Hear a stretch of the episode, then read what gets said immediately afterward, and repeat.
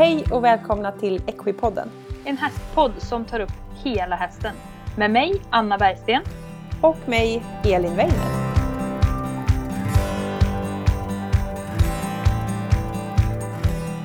Hej och välkomna till dagens avsnitt av Equipodden.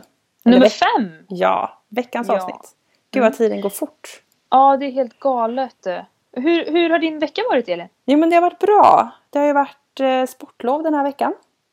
Just Jag har ju inte varit på skola och vi har faktiskt varit i fjällen. Eller vi åkte till Branäs. Det ligger ju, vad tog det att köra? Fem timmar kanske? En bit Okej. upp. Eh, Ja. Så vi åkte, jag, min sambo, hans två pojkar, sex och tio och min mamma och pappa och hade stuga där. Gud vad härligt. Var ni, hur länge var ni borta? Torsdag till söndag. Så vi Ja, men det är ganska lagom. Ja men det är faktiskt det. Och speciellt Ja. när man har två barn. Det är andra gången de åker skidor. Så att Jaha. det är ju liksom Yes, det bästa som finns och jag älskar det här. Och sen två svängar senare. Oj, nu gör fötterna ont. Oj, jag ramlar. Och så bara panik, katastrof. Och sen, Och så är lite hungrig på det. ja, och sen kör man Mm. ner två svängar till och då är det det bästa som finns igen. Så det, det är en pers att åka med. med Det svajar barn. lite grann kan man säga. Ja, Ja. så, men det har gått jätte, jättebra och de har verkligen blivit duktiga nu. Det är ju, vi Kul. åkte förra året också så där i andra liksom, ja, perioden de åker skidor. De har utvecklats jättemycket och inte bara åka i banbacken. Vi kunde åka lite andra backar och eh, även den äldsta där han åkte en röd backe så han blev jätteglad och stolt över det. Och sen har mina föräldrar varit med och det har varit ganska bekvämt att man kan liksom stå i banbacken en stund och sen så kommer de och så kan man själv bara åka järnet en timme och så tillbaka och så. Jag tror inte att det är någon som känner igen sig i det som du säger nu. Nej jag tror inte heller det va? Nej, nej. Skönt för föräldrar. Ja, bra med extra hjälp och sen har det varit jättetrevligt såklart och Melodifestivalen har vi tittat på och Mm. ätit godis och lagat mat i stugan. Och, ja men det har Ja. varit eh, jättebra. Ja, härligt. Lite sådär, det var ganska varmt. Så snön blev lite sådär du vet, lite slushy snö. Ja, just det. Mm, halvsmält. Ja, och så är det lite Mm. isigt under och så... Mm. Mm, och det regnade en gång, då blev jag så här, "Ugh, nu går Ja, vi det- in. Det ledsnar. ja, så att eh, nej men jag tycker det har varit bra, kul. Det är härligt att åka skidor. Eller jag åker ju inte skidor, jag åker ju bara snowboard. Men eh, det har varit härligt det med. Mm. Gud vad härligt. Hur har din vecka varit då? Alltså den har varit bra. Det är... ehm, den har varit bra. Jag sitter faktiskt... Idag så sitter jag i mitt sovrum. Mm. Eh, jag hoppas att vi, vi håller på att jobba på det här burkiga ljudet här. Mm. När vi, när vi poddar på distans. Men jo, jag sitter i mitt sovrum idag för att eh, man, kan, man kan sammanfatta min vecka som att jag har jobbat mycket och jag har tvättat ännu mer. Så skulle man kunna Ja. säga. Eh, med tanke på alla de här smittorna som går nu. Ja usch, det är jätteobehagligt. Man läser jag varje har- dag liksom, mer och mer. Ja. Så jag har jobbat eh, mycket den här veckan. Jag har haft massor med hästar. Det är fantastiskt roligt. Precis som vanligt. Så är det otroligt roligt. Eh, jobbat mycket med laser den här veckan. Mm. Ehm, ja, så att så har väl min vecka varit. Jag har inte varit på någon skidsemester. Men, men jag är lika nöjd ändå. Ja, härligt. Eh, men det är mycket smittor nu och vi pratade lite innan här vi, vi började startade inspelningen att, att hur viktigt det är att faktiskt prata om de här smittorna Mm. och jag som är ute i stallarna Mm. och jobbar så otroligt mycket att jag byter ju kläder mellan varje stall. Har jag fyra olika stall på en dag till exempel Mm. då byter jag kläder mellan varje stall. Jag virkonar skor. Jag eh, virkonar mig själv. Jag, alltså, det är så viktigt. Ja. Det är så viktigt. Så att jag har nog köpt nya kläder för typ 10 000 de senaste två veckorna. För att det tvättas och tvättas. Så är det någonting som surrar i bakgrunden nu hörni. Då är det min tvättmaskin. Mm. Jag sitter bredvid mitt torkställ nu för det är tvätt överallt.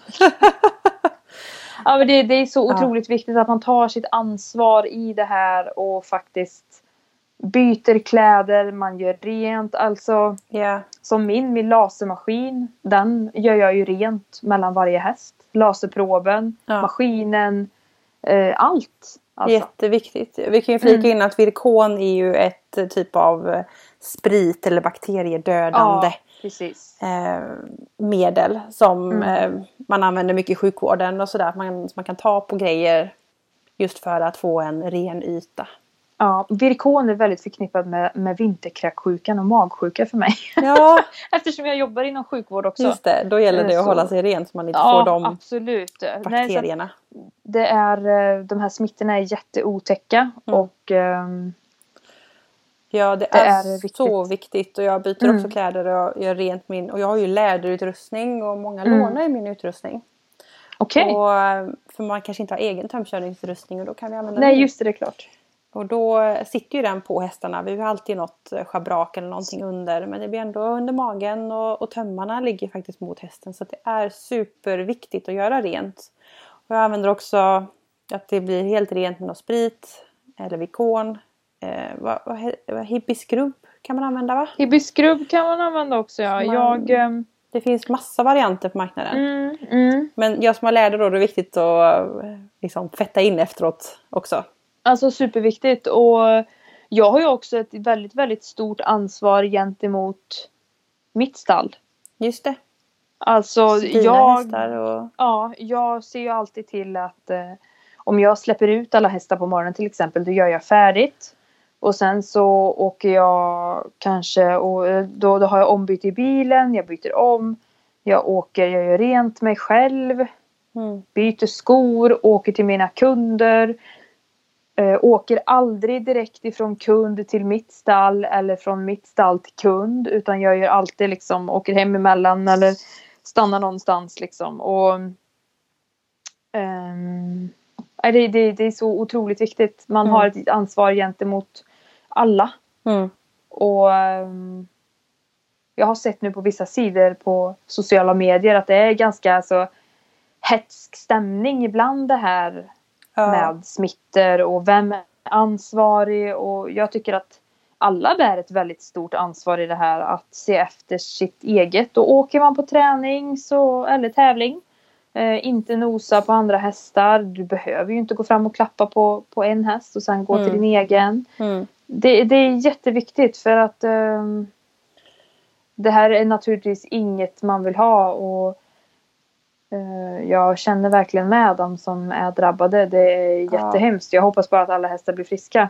Jättehemskt är det. Mm. och det är ju så svårt för hästsporten är ju som vi åker. Ja det är klart man kan stanna hemma från tävlingar och träningar.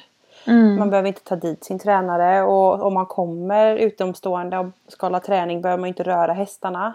Nej, nej. Men sen är det också sådana där saker som veterinärer måste komma om det händer någonting. Hovslagaren måste Hovslagaren, komma. Mm. Man kan, hästvärlden kan inte heller bara stanna upp.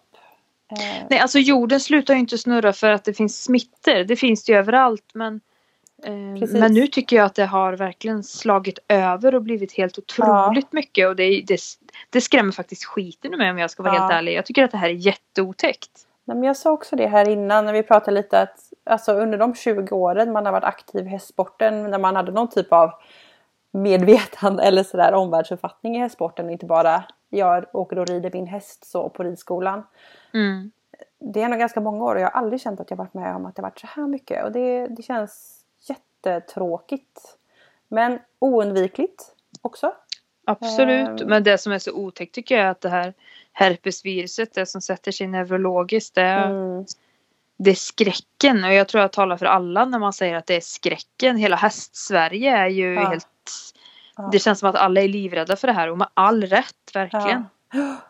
Jag tänkte man kan nämna lite grann och det är ju liksom det här, det är ju ett virus som du pratade om där.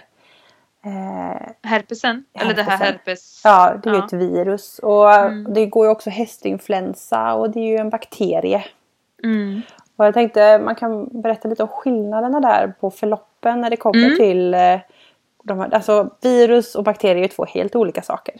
De är Ja. jättesmå och lever ett eget liv men de är väldigt, väldigt olika. Om man börjar med bakterier så är ju liksom det finns ju miljoner bakterier och helt ärligt, vi kan ju inte leva utan bakterier heller.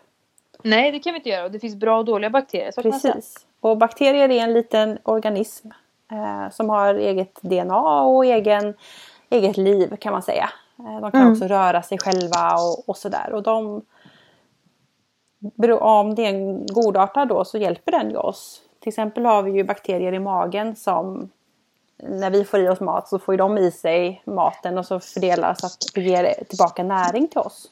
Och det vet vi ju alla vad som händer om de är i obalans. Eh, ja.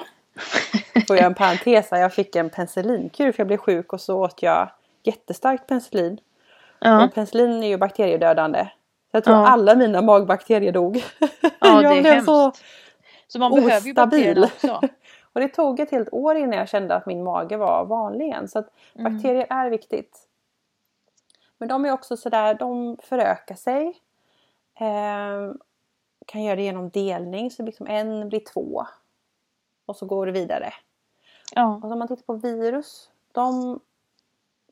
Ja, man brukar inte riktigt säga att de, liksom, de har ingen egen ämnesomsättning och sånt. Utan deras mål är att ta sig in i en annan cell. De lever som parasiter. Precis, och de har DNA i sig. Alltså gen, kodar för gener som kodar för protein. Mm. Eh, som de då sätter sig på en cell och skjuter in i cellen. Och sen kontro- så liksom, ja, hjärntvätt kan man säga. De här viruset det liksom kontrollerar cellen och tvingar cellen eller får cellen att skapa mer virusdelar. Och det här kan gå ganska fort. Mm. När ett virus har satt sig på en cell och skjuter in sitt DNA så händer massa saker. Och så börjar cellen att vrålproducera delar till att göra fler virus. Och sen så börjar det sättas ihop och till slut blir det så mycket virus att den här cellen liksom sprängs. Och så bara det flyger ut mängder med flera av sådana här virus. Det är helt galet. Det, kan, det blir jättemånga jättefort. Och det är det som gör att virus blir ganska farliga också. För de kan verkligen bli väldigt, väldigt många väldigt, väldigt fort. Mm. Och att just värdcellen dör. Många bakterier liksom måste ju leva med en organism eller i en cell eller som vi har i magen. Ifall våra magbakterier, ifall deras mål skulle vara att ha ihjäl den som de lever i, då kommer de ju också dö. Medan virus då kan bli väldigt, väldigt många. Så att det är, eh, det är lite olika. Det här, jag vet att det här låter lite svårt. Men eh, jag tänkte bara berätta om skillnaderna liksom. Ja, och att hygien, det är det vi vill trycka på här att hygienen är ju så otroligt viktig och eh, alla bär ett ansvar. Ja. Och speciellt vi som åker runt. Det jag, jag tycker faktiskt det. Ja men jag håller med. Och det, det är svårt och det är jobbigt men i sådana här tider så är det värt. Absolut. Men idag ska vi ju faktiskt prata om över och underlinje. Ja. Vi gör en liten paus här i, i tumkörningen kan man säga för att skapa lite förståelse. Mm. Eh, Så jag kommer dra lite om rygg och buk.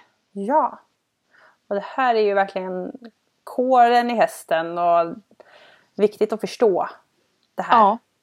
Och det är ju så här att överlinje det är ju den linjen som är rygglinje. Mm. Underlinje är den linjen som är maglinje. Mm. Eh, och då är det buk, bukmuskulaturen är ju understödjande till ryggmuskulaturen. Mm. Det är ju så här att vi säger att om man har ehm, om man har en dålig bukmuskulatur som människa till exempel. Mm. Då kan du bli lite kutryggig liksom. Mm. Ehm, för, att, för att få folk att förstå. Och eh, det är ju så här att hästen har, alltså hästens rygg består av 18 ryggkotor, Mm. 6 lumbalkotor, Mm. 5 korsryggskotor och beroende på ras 17 till 21 svanskotor. Och det här vet jag, det, sa, det pratar jag om i hästens uppbyggnad. Men ja, man kan bara för att liksom skapa en, ehm, en bild utav det. Mm. Och mellan alla de här kotorna så finns det ligament och benhinnor och muskler. Och, och de här musklerna som sitter precis intill ryggraden de heter multifider. Och det är de här musklerna som är man, man säger att man stärker en häst bakifrån och fram, Mm. inifrån och ut. Mm. Och de här multifiderna då pratar vi verkligen inifrån och ut. För det här är det Det här är det första muskellagret som ligger intill ben. Alltså som, som, som ligger längst in i hästen. Och det är ju lite så här att är inte den är inte det lagret starkt då blir ju inte nästa lager och nästa lager och nästa lager heller starkt. Precis, för det sa vi också i uppbyggnaden att alla lager påverkar varandra. Precis, och lika mycket som de påverkas utifrån och in utav till exempel massage så påverkas de ju också inifrån och ut utav styrka. Mm. Eh, och multifiderna har som främsta uppgift att stabilisera ryggraden i sidled. Mm. Eh, de är, det, det, det liksom räknas till den uthålliga kategorin av muskler. Mm. Och alltså de, de gör ju sin uppgift utmärkt så som de ska göra. Men, men vi har inte sådär jättemycket nytta utav de musklerna när vi belastar hästens ryggrad ovanifrån, alltså Mm. när vi sitter på hästen. Precis. Eh, och sen så utanför det här lagret så har vi ett muskellager som heter longissimus. Mhm. Och det är den långa ryggsträckaren. Mm. Och det är, en, det är en stor muskelgrupp som, som helst ska arbeta dynamiskt. För den blir, den blir eh, spänd och öm och trött, alltså muskeltrött utav statiskt arbete. Och när, tänk, tänk er de här olika musklerna i lager efter varann. Alltså multifiderna längst in och longissimus efter. Eh, och när multifiderna inte är starka och stabilitet, alltså och har en stabilitet och hästen aktiverar det andra lagret, alltså longissimus. Mm. Istället då för att hästen höjer ryggen och får en stabilitet i ryggen så, så sänker de ryggen. Mhm. Förstår, eh, förstår du vad jag menar? Ja, Jag blandar ihop lagren där lite tror jag. Ja, alltså multifider. Det är de små, små, små, små, små som är precis in till ryggraden. Ja. Longissimus ligger lager, ett lager längre ut. Mm, som är större då. Precis. Mm. Och Lång, lång, longismus, den lång. lång, lång, långa ryggmuskulaturen kan man säga. Långa ryggsträckaren. Så kan man säga. Ja. För att inte blanda in massa latin. För jag, jag förstår att det är svårt att hålla ordning på. Kan vara lite rörigt. Eh, och alltså när hästen inte har stabiliteten inifrån och ut. Mm. Och då, då har de ju liksom inte Då har de inte styrkan att stabilisera när det blir påfrestningar ovanifrån. Just det. Så istället då för att hästen höjer sin rygg och använder sin rygg eh, så kan man säga att de, de kniper med ryggen istället. Ja, just det. Ja, för det, de har inte stabiliteten inifrån. Ja. Eh, och alltså det här påverkar ju naturligtvis jättemycket hållbarhet och prestation. Det, det påverkas ju drastiskt väldigt till, till något väldigt dåligt, alltså till det sämre. Mm. Ehm, och då kan man ju förstå då att att belastningen blir så mycket hög, eller så mycket tyngre än vad vi är i kilon. För, förstår alla vad jag menar där? Det blir en jättebelastning på hästens rygg om den inte har en bra ryggmuskulatur. Ja, men det blir ju liksom om den spänner sig och liksom använder fel. Ja. Det kan jag känna ibland om man står väldigt mycket. Alltså här kan Mm. man jämföra, och jag, jag som försöker jämföra med människor hela tiden. Ja. Det här med liksom att ha sitt bukstöd. Att man kopplar Precis. på de här djupa muskulaturerna. Precis. Eh, och om man liksom står upp och inte gör det. Då, liksom svank, då, liksom, då är det musklerna, de små musklerna i ryggen som på något sätt spänner sig så att man svankar lite grann. Eller jag gör det. Exakt. Då får Exakt, jag är alltid ont så. i ländryggen. Ja, Men om jag är istället hade att spänt vi... min mage. Då hade jag inte fått ont i ryggen. Nej, och det är som att vi går och kniper med ryggen. Precis så gör ju Exakt. hästarna också. Fast Och man då är inte ju tänker här på att- det.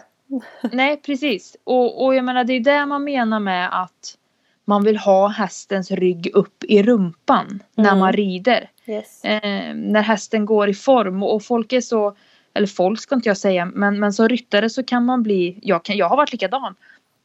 Att man blir alldeles fixerad vid hur hästen har sin nacke. Ja, precis. Men strunta i det. Utan känn att hästen höjer sin rygg och jobb, hittar sin buk och jobbar med sitt bukstöd. För då får ni också en stark rygg. Det ena föder det andra. För att det är så här att överlinje och underlinje, de är bästa kompisar. Ja. Mm. Men det är det ju på oss också. Ryggmuskulatur och Precis. buk. Och jag Mm. brukar visa för mina kunder när vi pratar om det här att försök att liksom skjuta ut eller kuta din rygg som en katt utan att spänna magen. Mm. Det går ju inte riktigt. Det De blir har- ganska så svårt. Vi hade en tränare. Hon sa, stod i mitten och sa det. Hästen ska göra en sit-ups i varje steg. Ja men det, det, hon har jätterätt i det. ja, och det var så visuellt att man såg att hästen åh, klämde till varje steg med sin mage så att den kunde höja upp Mm. sin ryggmuskulatur så att jag kunde sitta på den. Precis. Och då kommer vi till bukmuskulaturen då som är understödjande till ryggmuskulaturen. Mm. Eh, jag vet inte om ni tycker att det är någon idé att jag drar det latinska men vi har hästens raka bukmuskulatur Mm. och den heter rectus abdominis. Mm. Ehm, och om man vill ha hästen, om man vill höja hästen och stabilisera ryggen till en bärande form, man pratar om, om bärighet och allt det här. Mm. Eh, då, är det, då är det den här muskulaturen man pratar om, då är det den man vill aktivera. Mm. Och när hästen använder bukmuskulaturen, alltså och stabilisera sin rygg, Mm. då kan, jag ska ta det här långsamt nu, annars får ni spola tillbaka och lyssna igen. När hästen använder sin bukmuskulatur och ryggen, eh, alltså för att stabilisera ryggen, Mm. då kan de här små multifiderna och den långa longissimus Mm. befrias från det här statiskt bärande. Mm. Är du, är du med? Ja. Ja. Och hästen får liksom förutsättningarna att jobba med ett dynamiskt stärkande muskelarbete. Alltså, tänk er att Ja. hästen går och kniper. Se framför er en häst som är svankig. Mm. Mm. Vi säger att vissa hästar ser ut så men, men ehm, vi säger att den går och kniper med ryggen. Och helt plötsligt så hittar hästen sin mage och så börjar den spänna sin mage. Mm. Och då åker den här svankiga ryggen upp. Mm. Och då kan ni nästan se framför er hur muskulaturen i ryggen befrias från det, det trycket som blir av sadel och ryttare när Mm. hästen går och kniper. Mm. Och hur, hur den kan få syrerikt blod, hur den kan syresätta sig och utvecklas och bli bärande. Mm. Mm.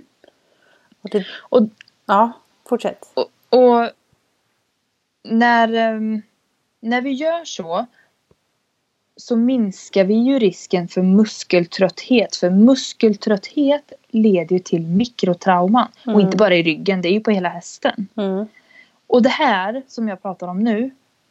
Det är, ju, alltså, det är ju verkligen en grundförutsättning för en hållbar och presterande häst. Oavsett om den ska prestera i skogen eller om den ska gå in och prestera en 1,50 hoppning. Det spelar ingen roll. Mm. Men det handlar ju också om ett bra liv för hästen. Att, att vi kan förlänga livet. För den är ju inte Absolut. byggd för att bära 80 kilo på ryggen. Nej, och då kan man Liksom. tänka sig, vad blir de här 80 kilorna på en häst som inte har en bra ryggmuskulatur eller en bra bukmuskulatur? Mm. Då blir det mycket. Det blir ganska många kilon. Och, och då gäller det här är ju en, ett jobb emellan häst och ryttare. Mm.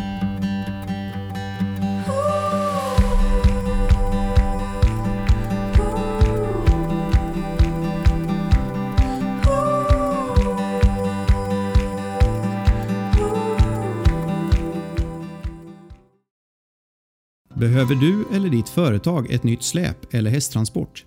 Vi på FA Trailer Mariestad erbjuder släp och hästbilar av fantastisk kvalitet till rätt pris. Välkommen till FA Trailer i Mariestad.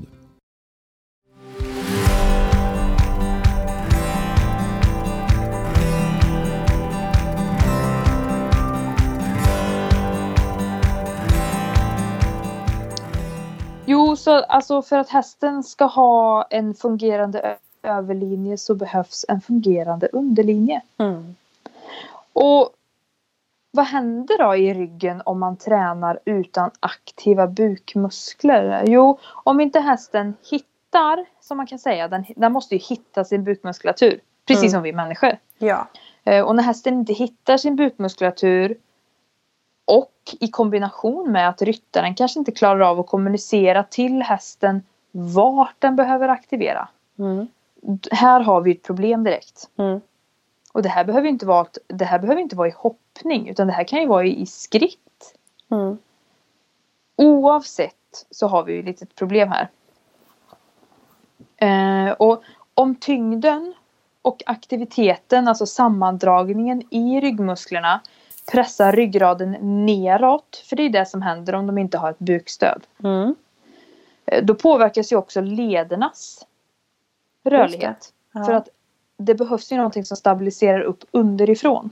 Ja. Så den sänkta ryggraden påverkar ju lederna Mm. till det sämre, alltså ledernas rörlighet till det sämre. Mm.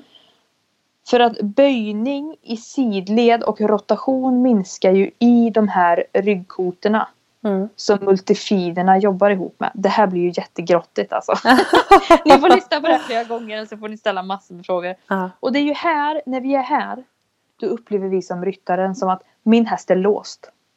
Ja. Där kanske alla kan känna igen sig. Ja.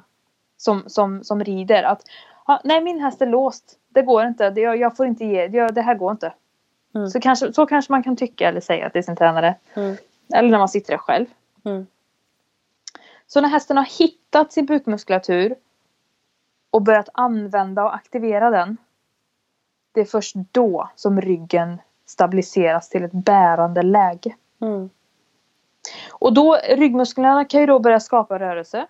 Mm. Och då helt plötsligt har ju hästen förutsättningarna till att röra sig. Även sina leder. Då är ju förutsättningarna i lederna tillbaka också. Mm. Så det här är ju, det här är ju jätteviktigt alltså. Och um, vi säger att om man ska styrketräna sin häst. Mm. Då är, ju, då- är det ju det här som är steg ett. Ja. Annars blir det ingen styrketräning. Annars blir det slitage. ja, precis. Man kan ju inte gå in på en hög nivå. Alltså man kan ju inte ta... Det är som det jag och min sambo är på gymmet och han tar liksom Mm. de största hantlarna. Han är ju helt tokig när han tränar. Och jag tar ganska små. Jag kan ju aldrig ens röra hans. Det skulle ju, slita, det skulle ju bryta benen på mig om jag skulle ta de vikterna. För jag är inte Du på den skulle ju nivån. förstöra dig. Precis, jag måste Ja. ju börja på den nivån jag är och bygga upp därifrån. Precis. Och där är ju Och- egentligen tömkörningen fantastisk. Absolut, för där har du inte här har du inte um, den um, belastningen ovanifrån. Precis, för det blir För ju det- liksom om ryttaren sitter, hästen kniper, Anna beskriver liksom ryggen åker ner. Eh, Att, och är man inte stark där, om man inte orkar ens lyfta sig själv, och då ska man plötsligt lyfta en ryggsäck också. Gud vad Precis, jobbigt. och det är ju faktiskt det här att den här um, hästens bukmuskulatur Mm, stabiliserar ju också bäckenet just det. på hästen.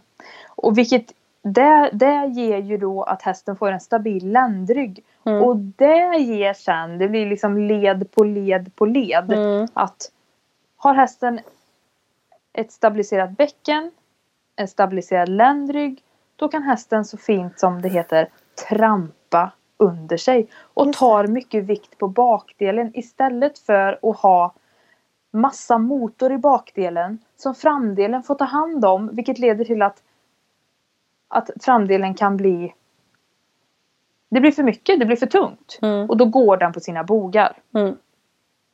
Så, så här så här funkar det. Lite, lite vad ska man säga? Lite snabbt draget. Lite anatomiskt. Ja, jag hittade faktiskt på, på sociala medier hittade jag faktiskt en häst. Mm. Eller jag blev taggad i det här. En häst som hade liksom organ och grejer i sig. Som man kunde plocka ut. Ja, som Och- en... eh, De hade sytt. Så, jag tror såg också någonting. Ja! Jag har också sett den. Ja, den var Ja. fräck. Ja, jättehäftig. Jag önskar att det hade kunnat finnas en sån med muskler. Så om någon som lyssnar kanske har... Det här kanske är en jättebra affärsidé. Mm. Du får börja Ja. sy Anna. ja, precis. Ja, Eller någon man- som lyssnar kanske vill göra det. Ja, om man tänker lite om man skapar en visuell bild. Eh, Mm. Jag tycker om liksom, om man tar bort sadeln och tar bort ryttaren så har man ju bättre chans att faktiskt se hästen då. Till exempel på tömkörning. Eller under Mm. tömkörning. Eh, brukar, man brukar bara se när hästen börjar jobba rätt och inte.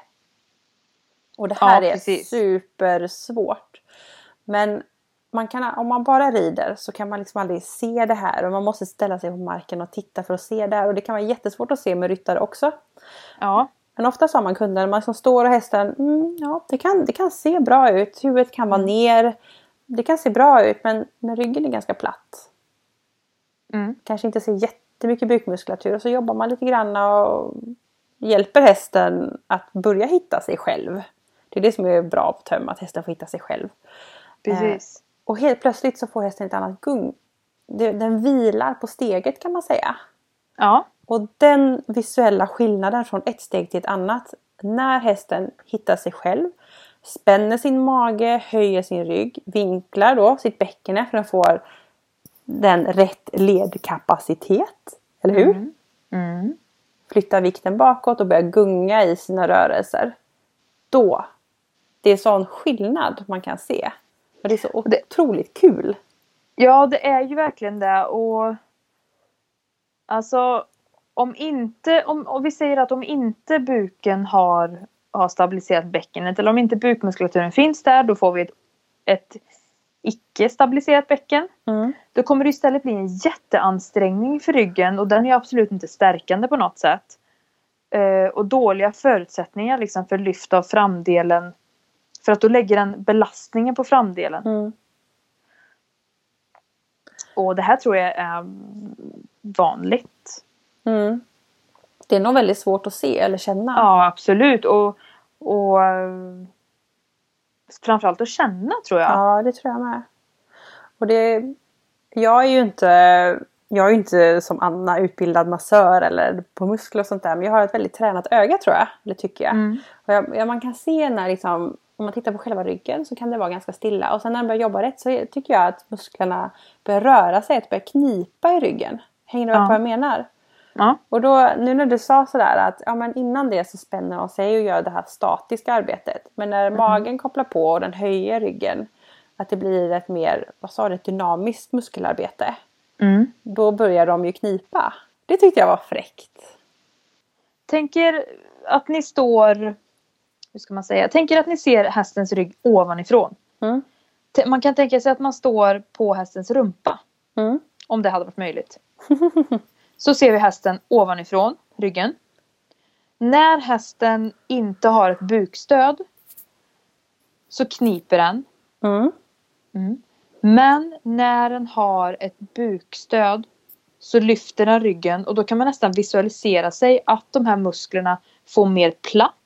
Mm. Att de får mer syrerikt blod, att de kan bli starka, att de kan jobba. Att hästen blir bärig och, och Mm. framförallt håller. För att det handlar inte om att hästen ska se snygg ut. Mm. Det handlar inte om att nacken ska vara krökt och de ska vara snygga. Mm. Det handlar inte om det. Det handlar om att få ett muskelarbete som gör att din häst inte går sönder. Mm. Det är det det handlar om. Mm. För får man allting på plats så kommer huvudet trilla ner sen. Man behöver inte göra så mycket mer. Bara man rakriktar bakbenen under sig, upp med ryggen så trillar huvudet ner. Visst lät det enkelt? Ja men precis, det låter så himla enkelt. Ja. Men eh, nej, så det här var lite över och underlinje och jag förstår om det här är svårt att förstå. Mm. Det förstår jag verkligen. Så har ni några frågor så hör av er. Jag, jag spelar jättegärna in en film eller, eller kolla på Kolla på Equipoddens Instagram för där tror jag att jag, eller jag vet att jag har lagt upp en film när jag hade klinik och jag hade målat på en av mina hästar. Just det. Där har hon ryggkotor. Så om ni kollar på den Mm. och så får ni liksom visualisera er att det är muskulatur Mm. mellan ryggkotorna. Och sen finns det ju en film också när jag tömkör din eh, fläcka. Ja. Där vi säger just att titta där, nu ser vi över underlinje. Mm, mm. Faktiskt. Precis, så att alltså kolla lite för vi har ju lagt upp mycket bra Mm. som går att använda och där man också kan se och, och undrar ni någonting så är det ju alltså hör av er. Ja, det gillar ju vi när man får frågor. Ja, för vi kan inte, det kan inte bli tydligt nog och vi vill ju att alla ska förstå. Och Ja. det här mikrotrauman som jag pratade om förut. En häst som går jag kan säga att en häst som går som du tycker är bärig i en liten stund under ridpasset. Mm. Men som sen kanske blir ryckig i handen eller slänger upp huvudet eller börjar springa. Mm. Hästar blir ju också muskeltrötta. Mm. Vi kan ju inte räkna med att de ska gå i samma form i ett ridpass på 40 minuter. Nej, verkligen inte. Det är ju att ställa ofantligt höga krav. Och när de inte får vila sin muskulatur under ett, ett arbetspass så blir de muskeltrötta. Mm. Och då kan det bli mikrotrauman och det är de här mikrotraumorna som leder till skador till slut. Mm. För att när muskeln inte orkar längre då är det ju någonting bredvid, kanske en led eller andra sidan av hästen som får ta det jobbet. Mm. Allting sitter ju ihop, som jag sagt innan. Precis, Ja. så är det. Jag har... Eh, jag ser ju hästarna i träning och jag tittar jättemycket på över och underlinje och sånt. För jag tycker den är väldigt viktig. Och jag Mm. har eh, en kund vars häst, det är en hopphäst. Eh, supertrevlig herre. Och han, han har liksom hittat det här buk... Han liksom vet att det är den jag ska använda. Mm. Så när jag tar på tömmarna på honom så liksom ställer han sig och så backar han liksom in bakbenen under sig och så spänner han magen och säger han och sen, och sen travar han iväg i något som ser ut som en passage. Ja. och sen tar han i något så fruktansvärt hela passet och det är så kul att se en häst som liksom har kopplat ihop hur fått den här aha-upplevelsen och kopplat ihop hur saker och ting funkar och gör det med lätthet. Och utifrån den traven kan man sen göra öppnor och skänkelvikningar och man ser hans mage är bara superbred och han tar i. Eh, Det tycker jag är superhäftigt. ja, verkligen. Man ser det. Sen har jag en, eh, en till kund jag kan berätta om. En, eh, det är en shetlandsponny. Han är världens sötaste. Och hon är nog världens mest pedagogiska häst sa jag till ägaren där. Ja. För hon eh, började med att springa lite sådär upp med huvudet och tyckte ja det här var ju roligt. Hon är bara, hon är inte så gammal, jag kommer inte ihåg hur gammal hon är. Jag kan se det här framför mig. Ja du vet en sån liten rund sak. Och så Mhm. jättesmå ben och så sprang hon där. Tut, tut, tut, tut. Fort gick det, jag fick tusan springa efter vet du. ja, och så började jag jobba lite där. Och så liksom började jag liksom samla lite, huvudet var fortfarande upp. Men så började hon så här, ja, svara lite på de hjälperna jag gav henne. Mm. Hon började liksom spänna lite i magen såg man. Ja, man såg underlinjen åkte upp. Så började man se att ryggen började röra sig från det statiska läget till det dynamiska läget. Mm. Hon vinklade lite i bäckenet. Och så bara hon... Huvudet åkte ner.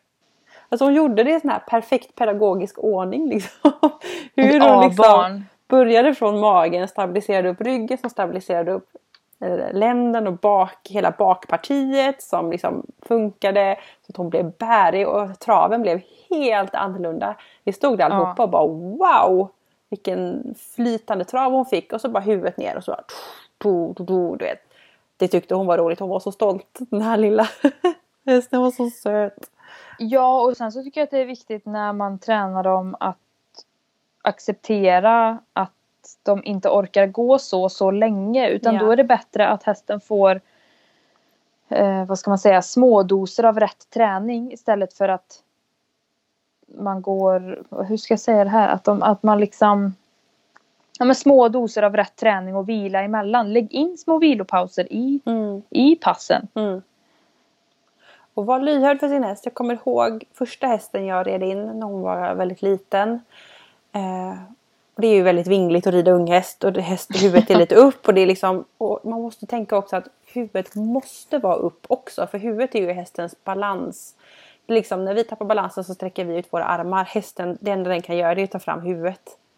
Ja. Så det blir lite vingligt och så kämpar man där och så plötsligt så möts man ihop. Jag kommer ihåg så väl.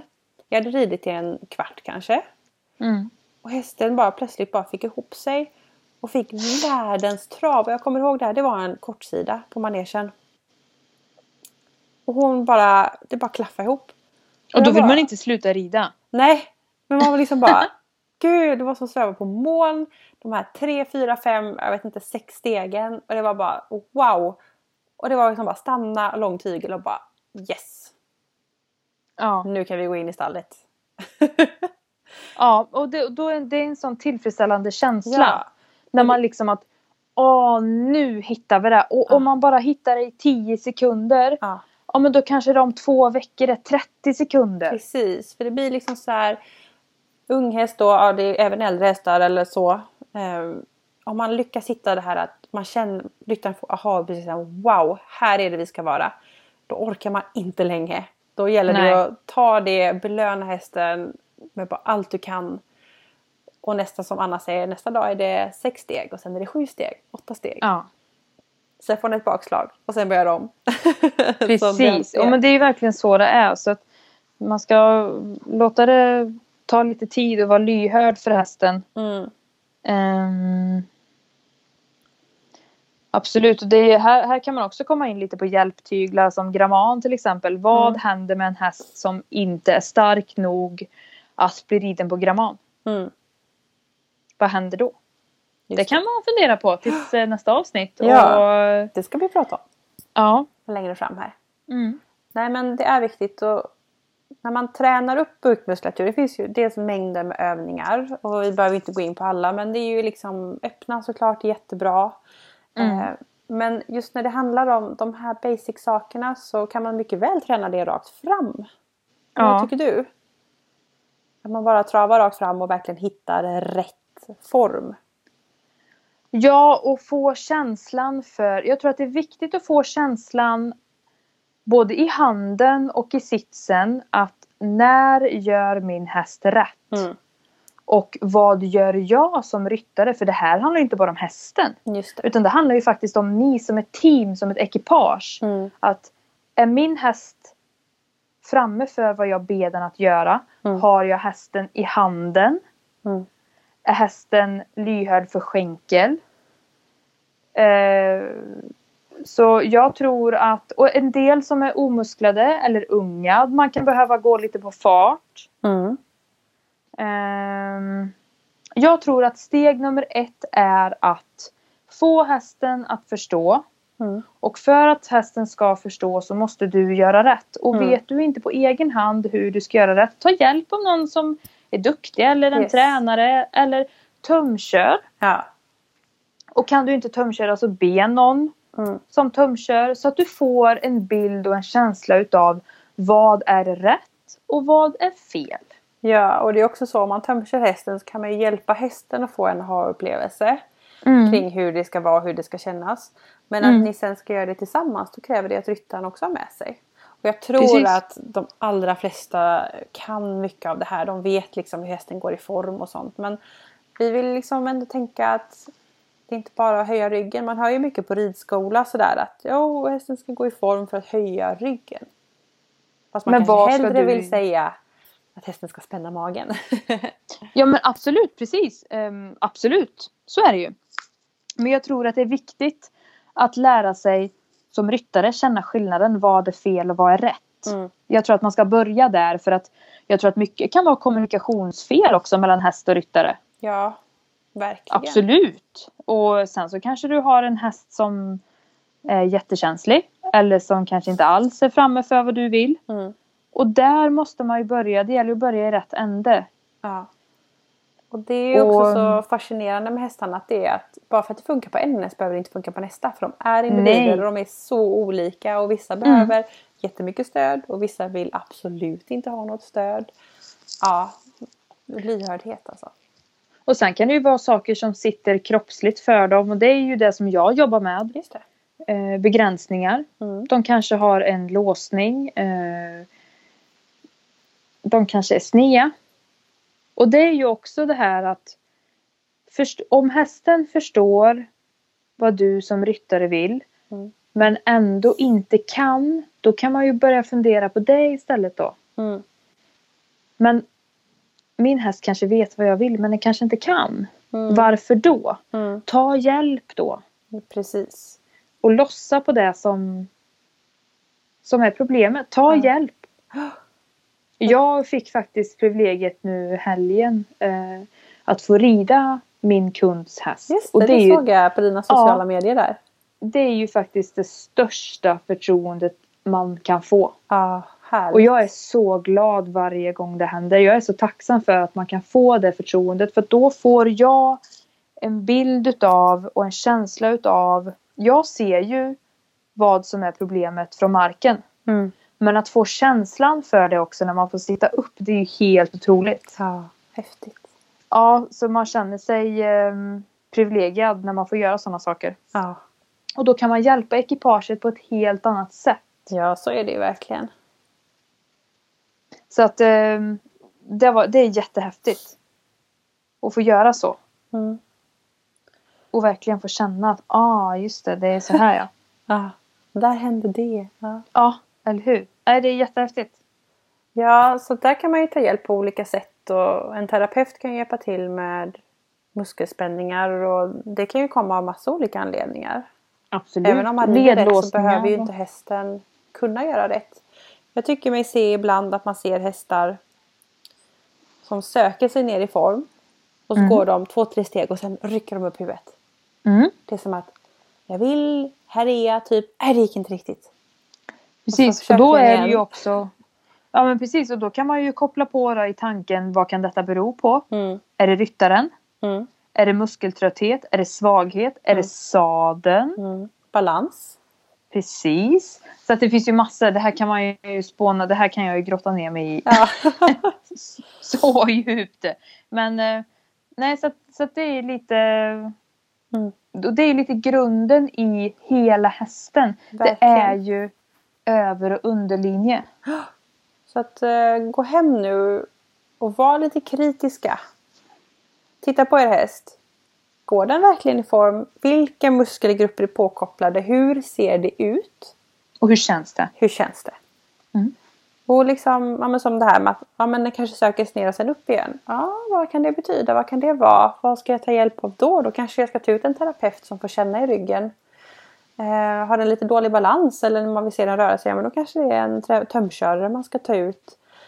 Eller hur rider jag egentligen? Då är det en dressyrtränare man ska titta på. Mm. Och ja, absolut. Var lite kritiska mot eh, era hästar. Och vi vet att ni har grym koll på det här. För att ni, alltså, generellt sett så har vi väldigt duktiga ryttare i Sverige såklart. Men var lite kritisk. Känn efter. Mm. Hur känns det egentligen? Precis. Ska vi eh, runda av här eller? Ja men jag tror det. Jag Mm. tror det var det vi fick med. Ja, jag tror att det är bra så. Ja, så det här är ju, vad säger vi, avsnitt fem va? Ja, Mm. Så nästa avsnitt kommer ju bli lite mer tömkörning. ja precis. Och sen så kommer vi ha lite roliga gäster. Så då kommer Ja. vi släppa lite med, inte vi kommer inte släppa hästens kropp, det kommer vi aldrig göra. Men, men vi kommer prata lite foder. Yes, Vi kommer prata mentalitet hos ryttare. just det.